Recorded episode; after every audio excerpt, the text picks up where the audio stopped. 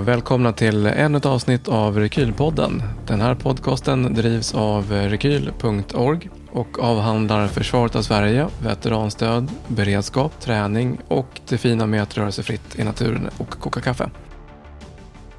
Ja, idag har vi med oss eh, Stefan Jonsson ifrån stiftelsen Jesper Lindbloms minne. Jesper stupade under sin eh, tjänstgöring 25 november 2005 när han jobbade i särskilda skyddsgruppen SSG. Jag vill passa på att tacka dig Stefan och eh, Jespers mamma Anna Jonsson också för det fina jobb som ni gör med stiftelsen. Varmt välkommen till Rekylpodden. Tack så mycket. Ja, men jag tänker så här, i dagens avsnitt, det finns väldigt mycket att beröra. Eh, både det här att vara anhörig, eh, men också hur man kan så här, verka i en anda. Eh, som i Jespers anda till exempel. Mm. Så därför så vore det intressant att så här, börja avsnittet med, vem var Jesper? Jesper han var en person som eh, var sig själv i alla lägen. Optimistisk, glad, lojal, familjär eh, en idrottskille, eh, friluftskille. Eh, var mycket ute i naturen redan när han var 16 år så tog han jägarexamen. Han älskade att vara ute i naturen. Eh, vi hade roligt tillsammans med Jesper. Både mamma Anna och pappa Leif och, och jag som kom in när han var 14 år. Och hans syskon på både mamma och pappas sida. Eh, en uppskattad person i alla läger vill jag säga. Ja, men han verkar vara väldigt uppskattad. Det känns som att en person som var i sitt rätta element också när han jobbade. Ja, han, han funderade ju på vad han skulle bli för någonting när han blev stor och förutom idrottandet då med löpning, medeldistans och skidåkning och så, så ehm, så funderade han på att bli sjökapten. Mm. Men eh, sen eh, helt plötsligt så efter genomgången lumpen på värnplikt på eh, kustjägarna och reservofficersutbildning så, så var det ett befäl som tyckte att han och en kollega skulle söka in på SSG då och eh, det gjorde de. Just det. Och det här var ganska nytt också på den tiden. Ja, det var nytt. Det, Jesper började jobba i SSG 1999. Eh, och då var inte förbandet speciellt gammalt utan det var i, i begynnelsen. Mm. Och han var en av de yngsta som kom in i, i, i det här eh, sammanhanget. Just det. Det här, var det någonting som ni, ni visste att han jobbade i Försvarsmakten? Eh, visste ni också att han jobbade i SSG? Ja, han berättade ju för mamma Anna att han eh, skulle börja jobba på SSG mm. och det är klart att hon reagerade på det för när han beskrev lite, lite om eh, verksamheten så, eh, så beskrev han ju, det handlar ju om, det är ju, står ju mellan liv och död naturligtvis och han var beredd att ta de här uppoffringarna och göra sitt så att säga för att verka för freden. Mm. Och eh, det är klart att Anna och, och, och um, Leifs pappa, eller Jespers pappa stöttade honom i det här. Och eh, det gjorde ju naturligtvis jag också. Men eh, det var ju Anna som visste mest mm. om vad han gjorde och var han var någonstans. Just det.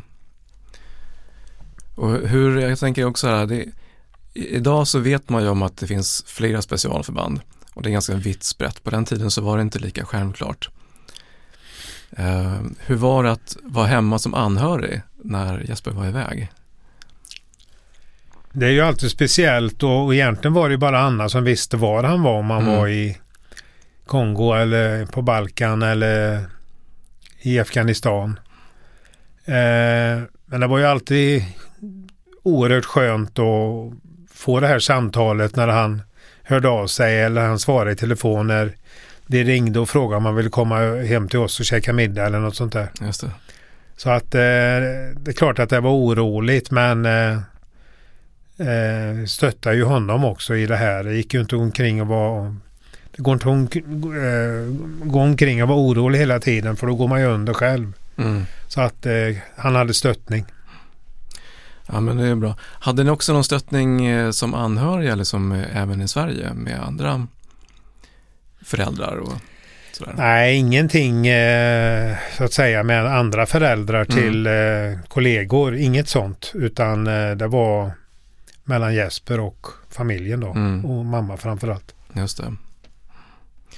Ja, men det, mycket har ju hänt i veteranstödsvägen Mm ända sedan dess. Och ni har liksom, ni har ju fört vidare den här andan också. Tycker jag är väldigt fint. Alltså man, man eh, levererar i samma anda genom stiftelsen. Mm.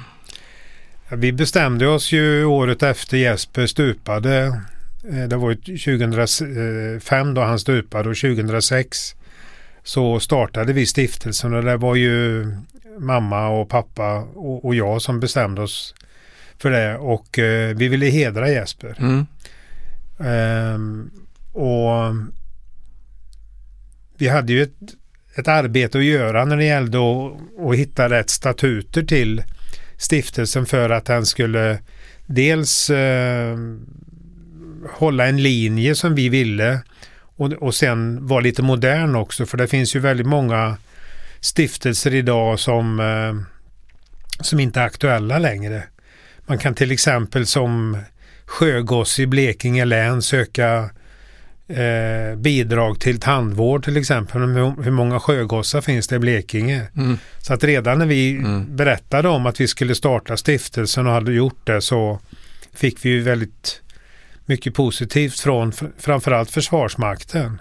Att vi var, gjorde någonting väldigt fint, att vi gjorde någonting väldigt viktigt och att vi gjorde någonting som var modernt också. Skulle leva över tid. Ja men precis. För stiftelsen det, är, det kräver en insats också att eh, ekonomiskt att kunna få den att funka över tid. Ja. Hur, hur var det jobbet i början? Grund, grundplåten kom ju från bidrag från familjen. Mm. att dra igång den och sen så gjorde vi några minnesdagar eh, i Skövde eh, och på Karlbergs slott eh, där vi hade med professionella föreläsare och vi hade ett samarbete med Kungafonden. Och eh, med intäkter därifrån så fick vi en eh, grundplåt att bygga stiftelsen utifrån. Just det. Och eh, redan från eh, 2007 då delade vi ut det första stipendiet och eh, till en person i specialförbandssystemet.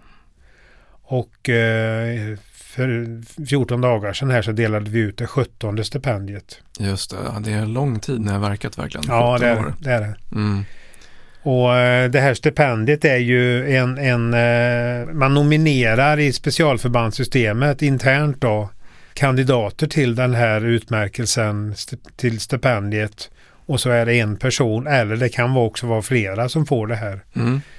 Eh, och det är ju Jespers kriterier, Jespers sätt att vara då som, som eh, SOG numera då, särskilda operationsgruppen utgår ifrån. Och det är ju sådana här saker som uthållighet, ansvar, engagemang, framåtanda, kamratskap, ja, optimism, glädje, eh, föregångsmannaskap då som är några av de kriterierna som vi har satt. Och så kommer det ju en motivering till varför person X har fått utmärkelsen som beskriver hur han eller hon eller de är. Och sen utifrån det då så eh, det står med på diplomet personen Mm. i fråga får och eh, kriterierna för att få stipendiet står också där. Ja. ja, men det är väldigt fint gjort liksom, att låta Mm. den andan leva vidare genom, ja, men genom andra personer såklart, då, men att Ja. det är stiftelsen som driver det framåt. Så det är ju faktiskt eh, som sagt var 17 gånger och det är alltid lika speciellt att dela ut det här för Anna och mig och Leif. Och det är oerhört, eh, vad ska man säga, fint att få det här stipendiet. Det säger alla som har fått det. Mm. Eh, ingen av dem som har fått det är ju officiella personer. Det är ju, de, de har ju sekretess alla i, i förbandet så det är ju inte, tas ju inte några bilder på person i frågan med något diplom inte utan Mm. det, det är en intern angelägenhet. Just det. Ja, men det är, det är en bra morot för dem såklart i förbandet eh, och sen så är det bra sätt för er också att kunna verka vidare. Men sen har ni också andra projekt. Jag vet att ni har eh, en eh, golftävling till exempel och sen så har ni andra aktiviteter som ni kör. Ja, just det. Re- Redan eh, 2010 så började vi engagera oss i veteranfrågan i stiftelsen. Mm. Och eh, vi arrangerade workshops, eh, ett antal med bland annat 2014 så hade vi en eh, workshop med dåvarande försvarsministern Karin Enström, Norge och Danmarks veterancentra, höga militärer från Sverige och forskare. Och då höll vi till på Försvarshögskolan och då diskuterades den här frågan under ledning av Ulf Wickbom då, som var moderator. Och så fortsatte vi att jobba med det här men vi märkte att vi var tvungna att ta lead i det själva först Mm. och vara lite blåslampa så att Mm. 2015 hade vi ett koncept färdigt som vi lämnade över till Sveriges veteranförbund Fredsbaskrarna som vi ville att de skulle ta över och ta lead i frågan för det var ingen det är ju ingenting som våran stiftelse ska syssla med någonting sådant utan ja, sen hände ingenting och 2021 så hade vi kommit ännu längre. Då, då skissade jag och Anna och kom med ett, ett förslag på en, ett treårigt projekt. Eh, för att lyfta veteranfrågan, lyfta veteranernas situation, omhändertagande, eh, skapa erkänsla för dem och sen att det skulle leda fram till att bygga ett veterancentra. Mm. Och den här idén då skickade vi till en finansiär som tidigare också har hjälpt vår stiftelse ekonomiskt. Och dagen efter han fick den här idén, det här upplägget från oss så tackade han ja, han ville köra. Så han finansierar projektet och han finansierar byggandet Just det. och jag eh, är projektledare för projektet. Och det här projektet går under namnet Camp Valkyria också, om jag förstått det rätt. Just det. Ja, Och Camp Valkyria heter det, heter det och kommer kanske heta också även när det blir klart. Det, är ju, eh, det hette ju förläggningen Kampen i Bosnien. just Det det. är inspirerat därifrån. Och en, en, eh, det ska ju vara en mötesplats, ett, ett veteran och anhörigcenter för eh, veteraner som har varit ute och jobbat för Sverige i statlig tjänst. Har ni sett någon glapp någonstans i, ska man säga, veteranstödsfrågan som ni vill eh, brygga igen?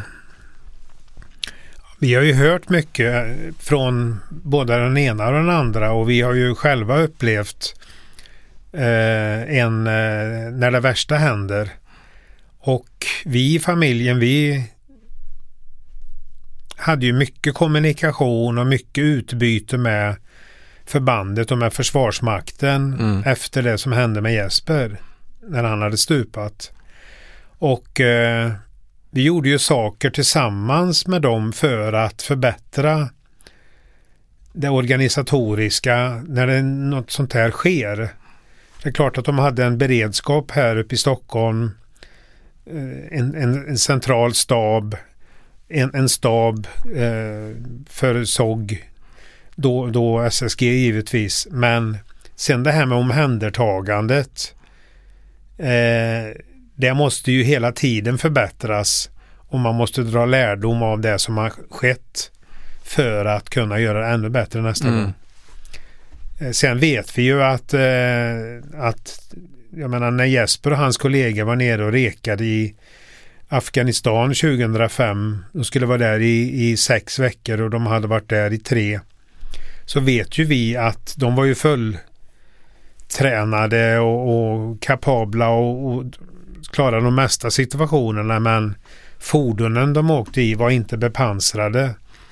Och det fanns ingen transport, sjuktransport, helikoptrar eller någonting sånt på den tiden utan Just det. Nu finns ju det. Nu finns det här, precis. Man fick eh, dra en lärdom därifrån helt klart.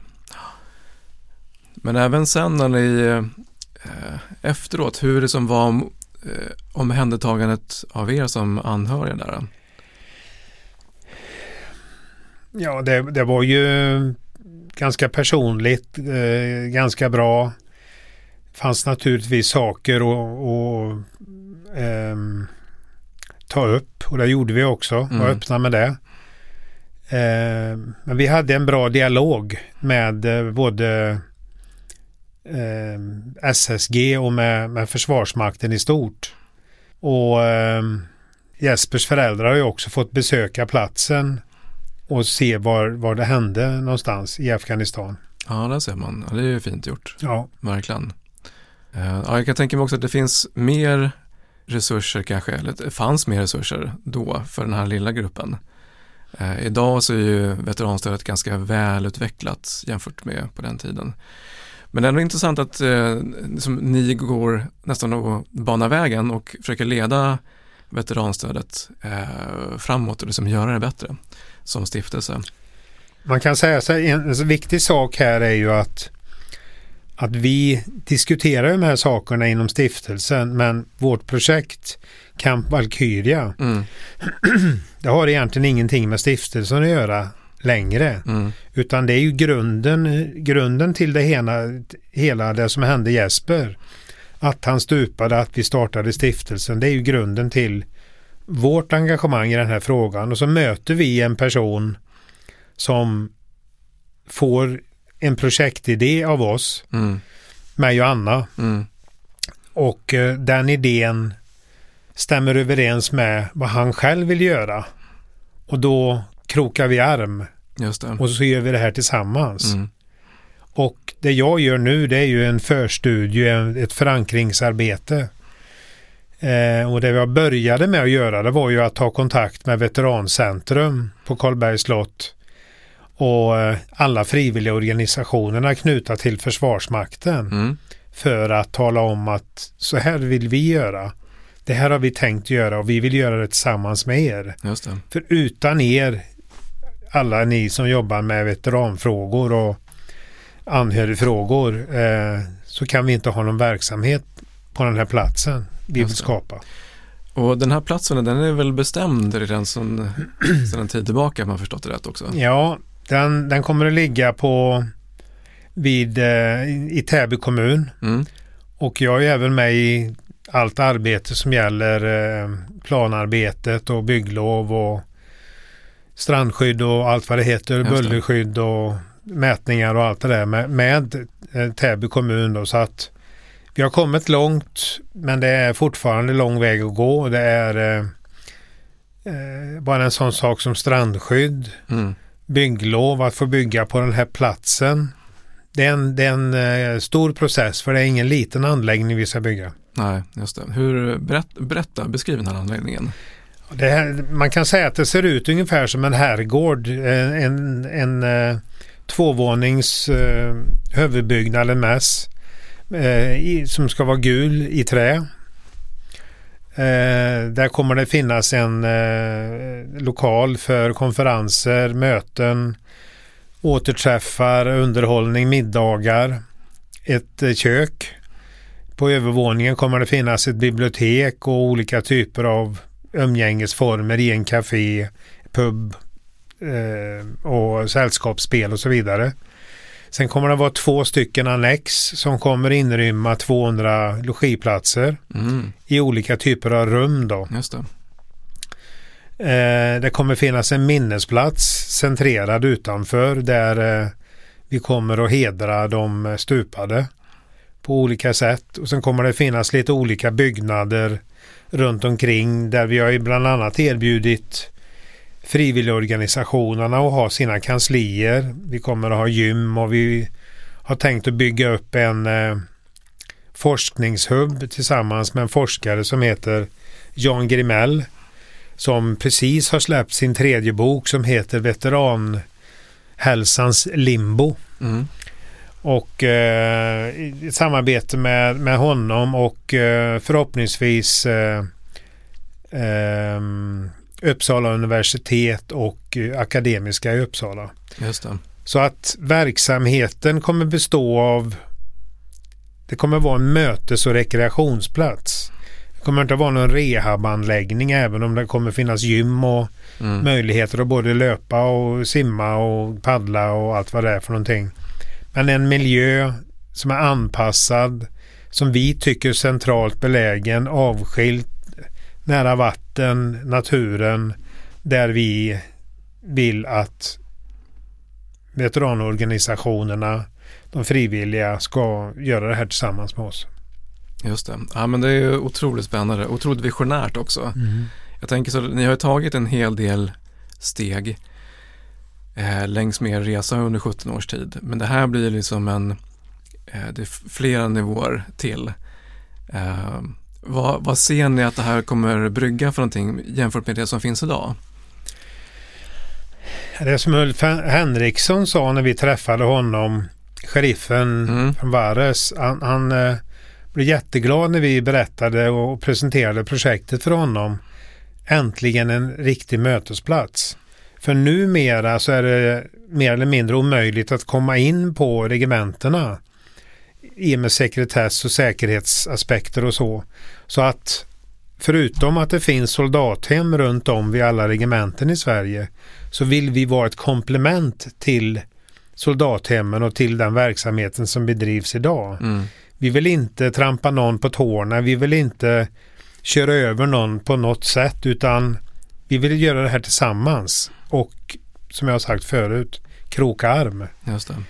Och i eftermiddag nu så ska jag presentera projektet för personer som jobbar på olika, i olika regementen och garnisoner runt om i Sverige. När eh, Veterancentrum, Mats Fågelmark och Monica Larsson bjuder in till konferens här i Stockholm. Så att förankringen internt så att säga hos de som redan finns i den här sfären är oerhört central och viktig för oss. Mm. Och det har den varit sen vi började med projektet för ett och ett halvt år sedan. Just det. Och det kommer vara det hela vägen. Det är ändå ganska snabbt. Jag tänker att ni har full finansiering till det och redan- har börjat förankra det så pass brett. Man brukar ju säga att ting tar tid. Mm. Men, eh, och det handlar väl som du säger kanske lite grann om att skynda långsamt också. Man vill ju gärna komma i mål snabbt, men det är ett stort projekt verkligen. Ja, det är det. Vad, vad är det som behövs för, vad är det som nästa steg som verkligen en tröskel ni måste passera för att kunna få det här att bli verklighet? En, en otroligt viktig sak. Vi har ju finansiering när det gäller själva, byggnationen. Mm. Eh, det som vi inte har ekonomi för och någon ekono ekonomisk trygghet i än så länge, det är ju driftsfrågan. Ja, Och vi vill ju att det här ska vara en, en angelägenhet, en statlig angelägenhet. mm. Men vi tror också på att försvarsindustrin kan gå in här, olika sti- stiftelser och fonder. Mm. Och sen kanske också att privatpersoner vill bli månadsgivare. Så vi har olika sådana här tankar och det här pratar vi om och presenterar på olika sätt och försöker få igång en dialog med så många som möjligt. När vi, framförallt jag är ute och Anna är med mig ute ibland också. Mm. När vi pratar om det här så i eftermiddag som sagt var ett tillfälle och då är det 20 minuter som jag ska presentera projektet. Mm. Men sen är det oerhört viktiga 20 minuter som kommer därefter. Då vi ska diskutera det här. Och på vilket sätt kan man bidra i sammanhanget? Vad vill till exempel försvarsindustrin bidra med? Mm. Vilka fonder, stiftelser kan hjälpa oss? Så förankringen som jag håller på med just nu den sker ju inom Försvarsmakten, inom ledningen, inom olika funktioner. FMV, Officersförbundet. Jag har även träffat eh, Polisförbundet. Jag ska träffa rikspolischefen och inom väldigt snar framtid. Jag ska träffa Paul Jonsson, eh, försvarsministern inom kort.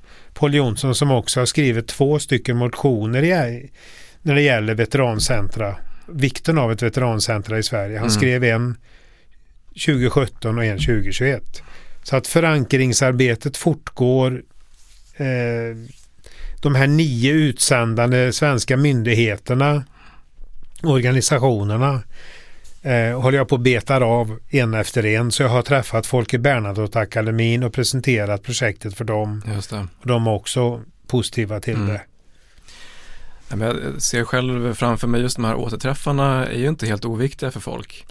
Eh, framförallt det är lite äldre gardet som var iväg innan eh, missionerna blev i princip regementsbaserade.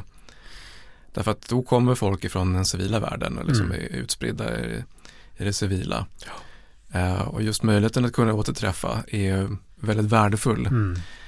Eh, Men även för de såklart som eh, har regementsspecifika missioner med sig i bakfickan. Mm. Att ändå liksom komma loss från, till en annan kontext, att inte vara i regementet. Att alltså, du blir på mer, vad ska man säga, eh, gemensam mark. Eh, Just hur kommer, har ni någon idé om upplevelsen där på plats? Vad, hur ser ni det framför er? Vi har ju besökt Norge och Danmarks veterancenter och sett vad de har för verksamhet. Mm. Och, eh, Norges veterancenter i Kungsvinger, vi var där under ett dygn jag och Anna och följde verksamheten. Och det är ju en eh, fantastisk anläggning som också eh, är eh, skapad på ett privat initiativ Mm. Och där det bedrivs en verksamhet som är enorm egentligen. Det är ju ett aktivitetsutbud som passar egentligen alla. Eh, Det är allt ifrån eh, ridkurser till paddlingskurser till golfkurser till eh, olika typer av återträffar, temahelger, Mm. temaveckor, läger för ungdomar som har en förälder som är ute på en mission. Just det. Det är julfirande och andra Mm. traditioner man kan fira där. Och Mm. ehm, en, ett gym som är fullutrustad där alla kan träna både oavsett vad man har, om man har något handikapp eller något sådant. Eh, De jobbar lite mer med, med så att säga rehab och sånt på sin eh, anläggning i Kongsvinger men, men eh, i mångt och mycket så handlar det om saker och ting som vi också vill skapa Mm. på Camp Valkyria och um, inte minst ett bra kök. Just det. genuina bra eh, råvaror. Ja. ja, det låter ju briljant verkligen. Vad, jag tänker så här, för att det här ska bli verklighet nu då, vad, vad är det mer som ni måste bocka av för att gå, gå till nästa steg? Ja, det, är ju, det är ju ett förankringsarbete som pågår. Det är eh, olika typer av utredningar som ska göras gentemot och tillsammans med Täby kommun. Mm. Det är eh, att säkra driften naturligtvis.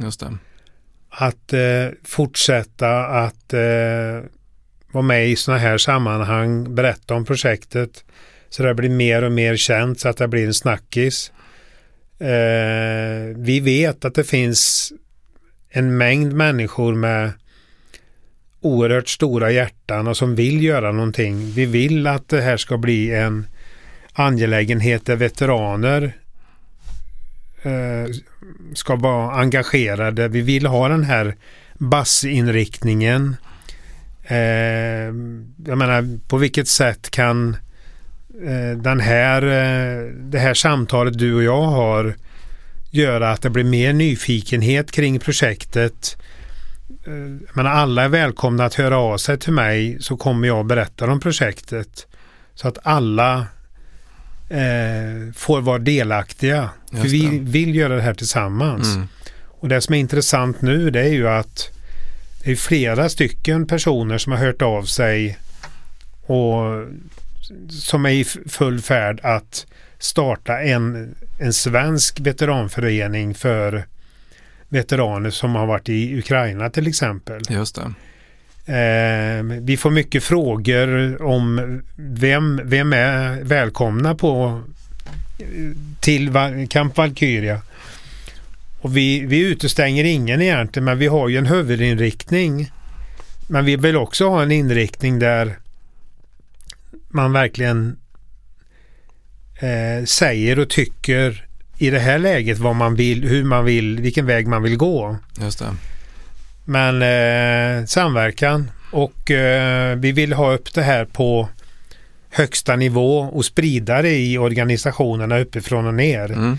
Vi tror inte på att gå den långa vägen nerifrån och upp utan det är därför som jag träffar eh, som jag träffar till exempel ÖB och, och generaldirektören på Försvarsmakten, rikspolischefen, försvarsministern och naturligtvis ska statsministern, försvarsutskottet, andra myndigheter få reda på vad det här handlar om. Just det. Och vi får alla hjälpas åt för att ta de här stegen, gärna något stort, långt kliv emellanåt men sen handlar det mycket om fotarbete Mm. för att få det här att komma framåt. Ja, men precis. Jag, jag ser redan framför mig att det finns ett helt gäng med lyssnare som sitter på idéer som kanske nu kan bli verkliga Mm.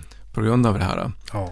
Eh, Stora som små såklart. Ja. Jag tänker också att vi kommer som dela kontaktuppgifter till eh, stiftelsen och till projektet. Mm. Så att om folk är lite nyfikna, har idéer, vill bolla någonting, eh, kanske har en lösning på eh, finansieringsbiten då, då, den löpande driften, Mm. hade också varit eh, tacksamt. Ja. Har ni några tankar eh, där? Hur, hur skulle en finansiering av driften kunna se ut? Det gäller ju att bygga, ha långa avtal med Mm. bidragsgivarna. Så att eh, vi vet att vi har en drift i 15, 20, 25 år framåt. Mm. Så att eh, några korta puckar här eh, med någon typ av sponsring i ett år och sånt. Det är klart att den, de pengarna är också välkomna men vi måste bygga. Det kostar ju en slant att driva en sån här anläggning för det ska Mm. ju startas en separat stiftelse för ändamålet och sen ett aktiebolag för, som ska driva verksamheten. Just det. Och eh, eh, hur vi ska få ihop driften Mm. Eh, det är ju också en, en, en, en sak som har med eh, försvarsbeslutet, det nya som kommer under året eller i början av nästa år. Ja. Eh, vi ser också att, förhoppningsvis att andra ser det också, att vi med det här projektet Camp Valkyria har en given plats i den nya totalförsvarsorganisationen. För så länge vi skickar ut folk och det blir ju inte mindre när det blir, vi blir med i NATO, för det kommer vi ju bli. Eh, vi, vi måste ha en, en eh, organisation som tar hand om, vi måste ha ett veterancentra som tar hand om våra veteraner och våra anhöriga. Mm. Vi, vi ser det som en oerhört viktig sak för Sverige och för människorna. Mm. Ja, men som du säger, NATO-delen kommer definitivt ta fart den dagen det blir verklighet också. Mm. För att det, dels så har vi ju, även om vi inte har så mycket folk eh, utskickat just nu från Sverige, några stycken har vi såklart. Men den eh, skulle kunna bedömt öka Mm. eh, i och med ett NATO-medlemskap. Också att vi kommer få eh, utländsk närvaro här såklart Mm. eh, av allierade. Så av den anledningen också kan det vara väldigt värdefullt, Mm. tänker jag. Mm. Vi, vi har ju varit nedbjudna av David Lega som, som eh, är lite rådgivare åt oss i projektet. Är Nedbjudna till eh, Bryssel och presenterat projektet där nere för de två största svenska partierna då SD och S. Eh, Och sen har vi träffat eh, Belgien, Nederländerna, Österrike och Estland. Där vi har fått höra hur de jobbar med sin veteranfråga. Mm. Där eh, vi fick med oss oerhört mycket positivt att man tyckte att det här kunde bli en road model för Europa. Att det här kan möjligen eh, bli ett EU-projekt. Så att eh, ordföranden i, i Euromill, en belgare, han undrade, eh, han heter Emanuel Jacobs, han undrade om han veckan efter vi träffades i Bryssel fick ta upp det här på deras kongress i Rom. Och veckan efter det i Aten på ytterligare någon stor kongress. Just det. Och på det sättet fick vi kontakt med officersförbundet och Lars Fresker. Mm. Och nu har vi ju träffat både Lars Fresker, styrelsen i officersförbundet och kanslipersonalen. Så att det finns lite olika vägar vi, vi möter människor på här. Och eh, jag menar det är ju som när vi var på FMV så sa jag Har ni något sammanhang där ni skulle vilja att projektet presenteras? Det dröjde några veckor och så fick vi en inbjudan. Vi var där och presenterade projektet, jag och Anna, på en frukost för deras eh, civila och militära veteraner vid, mm. på veterandagen 29 maj. Så att hela tiden vill vi komma ut varje vecka, varje månad eh, och vara med i olika sammanhang och presentera projektet. Och senast igår och så kontaktade jag soldathemmet i Skövde och frågade om vi ska göra någonting där och de är intresserade. Och då kan man ju fundera på vilka som ska bjudas in då och då tänker jag egentligen eh, ja, de uniformerade eh, organisationerna i Skövde med omnejd. Alltså Försvarsmakten, mm. polisen, eh, räddningstjänsten, MSB och så vidare. Mm. Kriminalvården. Eh, de, vi vill informera alla dem mm. och vi ska informera alla de utsändande myndigheterna så att det är mycket fotarbete och uh, oerhört stimulerande att vara ute och möta människor och prata om det här projektet. Ja, men det kan jag tänka mig. Det är också väldigt tacksamt att ha med sig en, alltså kunna göra det här i stiftelsen också. Ja, det är det. Eh, för att då, då har ni liksom den drivkraften framåt och mm. ni har er vision. Ja. Och finansiering för att kunna driva det här också. För ja. det, det, tar ju tid sånt här. Ja, det gör det. Så otroligt värdefullt. Mm. Vi kan ju faktiskt hedra Jesper varje dag, jag och Anna, när vi ja. jobbar med det här. Ja, det är fantastiskt. Ja, det är väldigt fint verkligen. Mm, mm. Även som du säger också, det här är att eh, förankra det eh, högt och lågt är jäkligt värdefullt. Mm. Eh, för att folk ska kunna se att okej, okay, här kan vi faktiskt eh, hitta en plats, antingen i närtid eller på lite sikt. Och sen behöver ju inte alla vara med från start, en del kan komma att ansluta sig senare eller i projektform motsvarande. Mm. Nej men som du säger också det här att eh, eh, ni verkar i Jespers anda varje dag. Om man tänker så här hur det startade för 17 år sedan eh, och vad det har lett till. Mm. Så hela den andan som Jesper hade med sig mm. har nu som nu lett till en vision som är ganska stor och som ganska många är beredda att eh, signa på och mm. vilja drifta igenom också. Det är väldigt fint jobbat. Ja tack. Det, eh, det var som no någon sa att han ler i sin himmel. Mm. Inte bara någon utan flera som har sagt det. Och eh, kanske nästan blir lite generad för att han får så mycket fokus. Men, men det är han värd och, och en sån där viktig sak i sammanhanget som allas veteran och anhörigcenter. Då ska man må lite bättre. Mm, just det. Det, det är en sån där oerhört viktig sak som vi har med oss hela tiden mm. och som är central i, i det vi gör framåt här också. Ja, men precis. Hur, eh, hur, hur mår man lite bättre efter att ha varit där? Ja, man har fått eh, mötas på en, en eh, neutral plats som jag pratade om förut. Mm. Man har fått träffa några kollegor eller många kollegor. Man har fått samtala, man har fått eh, reflektera, man har fått eh, kanske träna eller promenerat eller tagit en öl tillsammans eller afternoon tea eller vad man nu hittar på för någonting. Mm.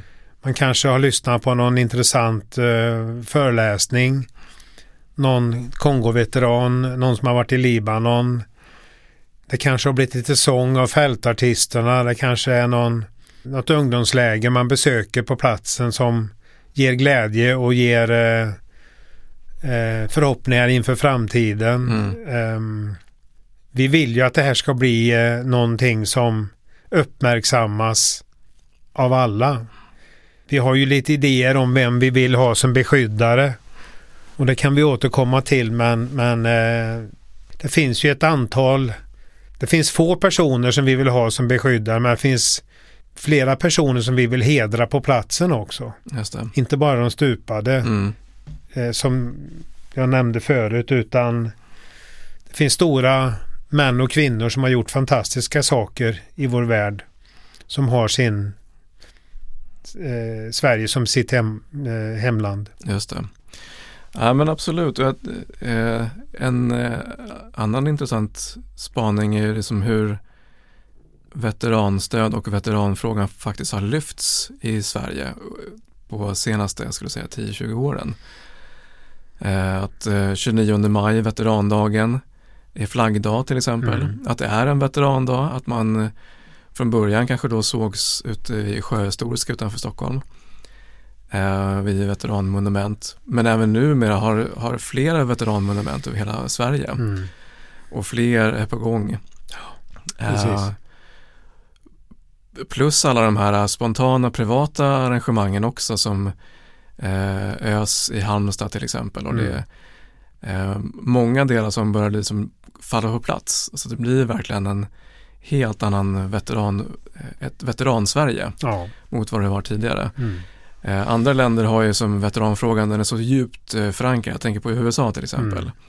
Där du kan komma ifrån Sverige, du kan komma ifrån eh, eh, Gambia och, och ändå så är du liksom, är du veteran så är du veteran och alltid ja, välkommen. Precis, precis. Eh, och där är vi inte riktigt ännu, men det här är ju jag tänker att kunna få upp den här på agendan hos många, många fler, väldigt mm. värdefullt. Mm. Inte minst för anhöriga också tänker jag. Mm. Som kan komma dit och, och träffas. Och, eh, också samtala med varann. Exakt. Mm. Mm. Ja, det finns så oerhört många historier som kanske inte ens är berättade innan. Nej. Som behöver eh, som, och, och, då behövs en sån här plats. Mm. Och jag brukar säga att historierna får inte bara sitta i form av foton på väggarna utan de, de måste berättas. Mm. Och man måste få chansen att reflektera och förstå. Mm. Och eh, det finns ju en, en eh, dokumentär som Marika Grisel har gjort om Kongoveteranerna. Som, eh, jag vet inte om den ligger på SVT Play fortfarande men, men om inte annat så kan Marika säkert komma ut och berätta, visa den och berätta om eh, sitt arbete och samtala med Kongo-veteraner. För jag tror det är på det sättet som vi kommer längre. Vi förstår vad pappa eller mamma har varit med om mm. under en mission. Vad syskon har varit med om under en, en, en mission och vad de anhöriga upplever mm. som sitter hemma och kanske är oroliga när eh, någon i familjen är på ett uppdrag. Mm. Och okay. det här måste vi ta hand om. Det är det vi menar. att mm. Vi tycker det här som vi skriver som en underrubrik, egentligen överrubrik, att det här är en angelägenhet för alla. Mm. Ja, men det, och det ska det vara också. Ja. För det är ju ett pris som man betalar både som anhörig och ytterst de som faktiskt eh, inte kommer hem heller. Ja, ja. Eh, som är värt att hedra allt det här. Precis. Men om du skulle ge några råd till både veteraner och anhöriga som behöver hjälp, vad skulle det vara? Jag tycker man ska höra av sig till de veteranorganisationer som finns. Eh, som Sveriges veteranförbund, Invidzonen, mm. VRR, Idrottsveteranerna, Sveriges kvinnliga utlandsveteraner. Och sen finns det ju faktiskt en veteranmottagning på Akademiska i Stockholm också. Eller i Uppsala, förlåt. Just det. Och eh, övrig vård sker ju i, i regionerna då givetvis. Men, mm. men jag tycker att man ska höra av sig. Och jag tycker också att man ska höra av sig till kollegan som man, och kompisen man hade med på någon mission som man inte har hört av på länge. Mm. Och berätta för honom eller henne vad som är på gång och att man vill ha med den personen i sammanhanget. För idag är det ju så här att de som kommer på aktiviteter på soldathem, på ÖS, på veterandagen. Det är ju de som redan kanske finns med i ett sammanhang. Mm, Men vi vill nå alla här ja. och det vill, det vill Sveriges veteranförbund och de andra mm. organisationerna också. Vi vill inte att någon ska sitta hemma i sin lägenhet och må dåligt och känna att man inte är med, med i sammanhanget utan alla är välkomna och alla är lika viktiga. Mm. Så att vi som redan engagerar oss på olika sätt vi kan göra mycket för de som är ensamma idag. Ja men så är det, verkligen. Ja men fint sagt. Och jag tänker att vi, vi rundar av med de orden. Stort tack för att du var med här Stefan. Tack så mycket.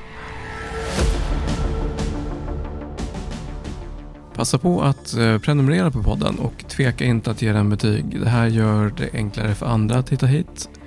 Eh, länkarna från avsnittet hittar du i show notes och oss på Rekyl hittar du på rekyl.org. Och till sist, se till att öka din handlingsfrihet genom att ge dig ut och träna. Tja!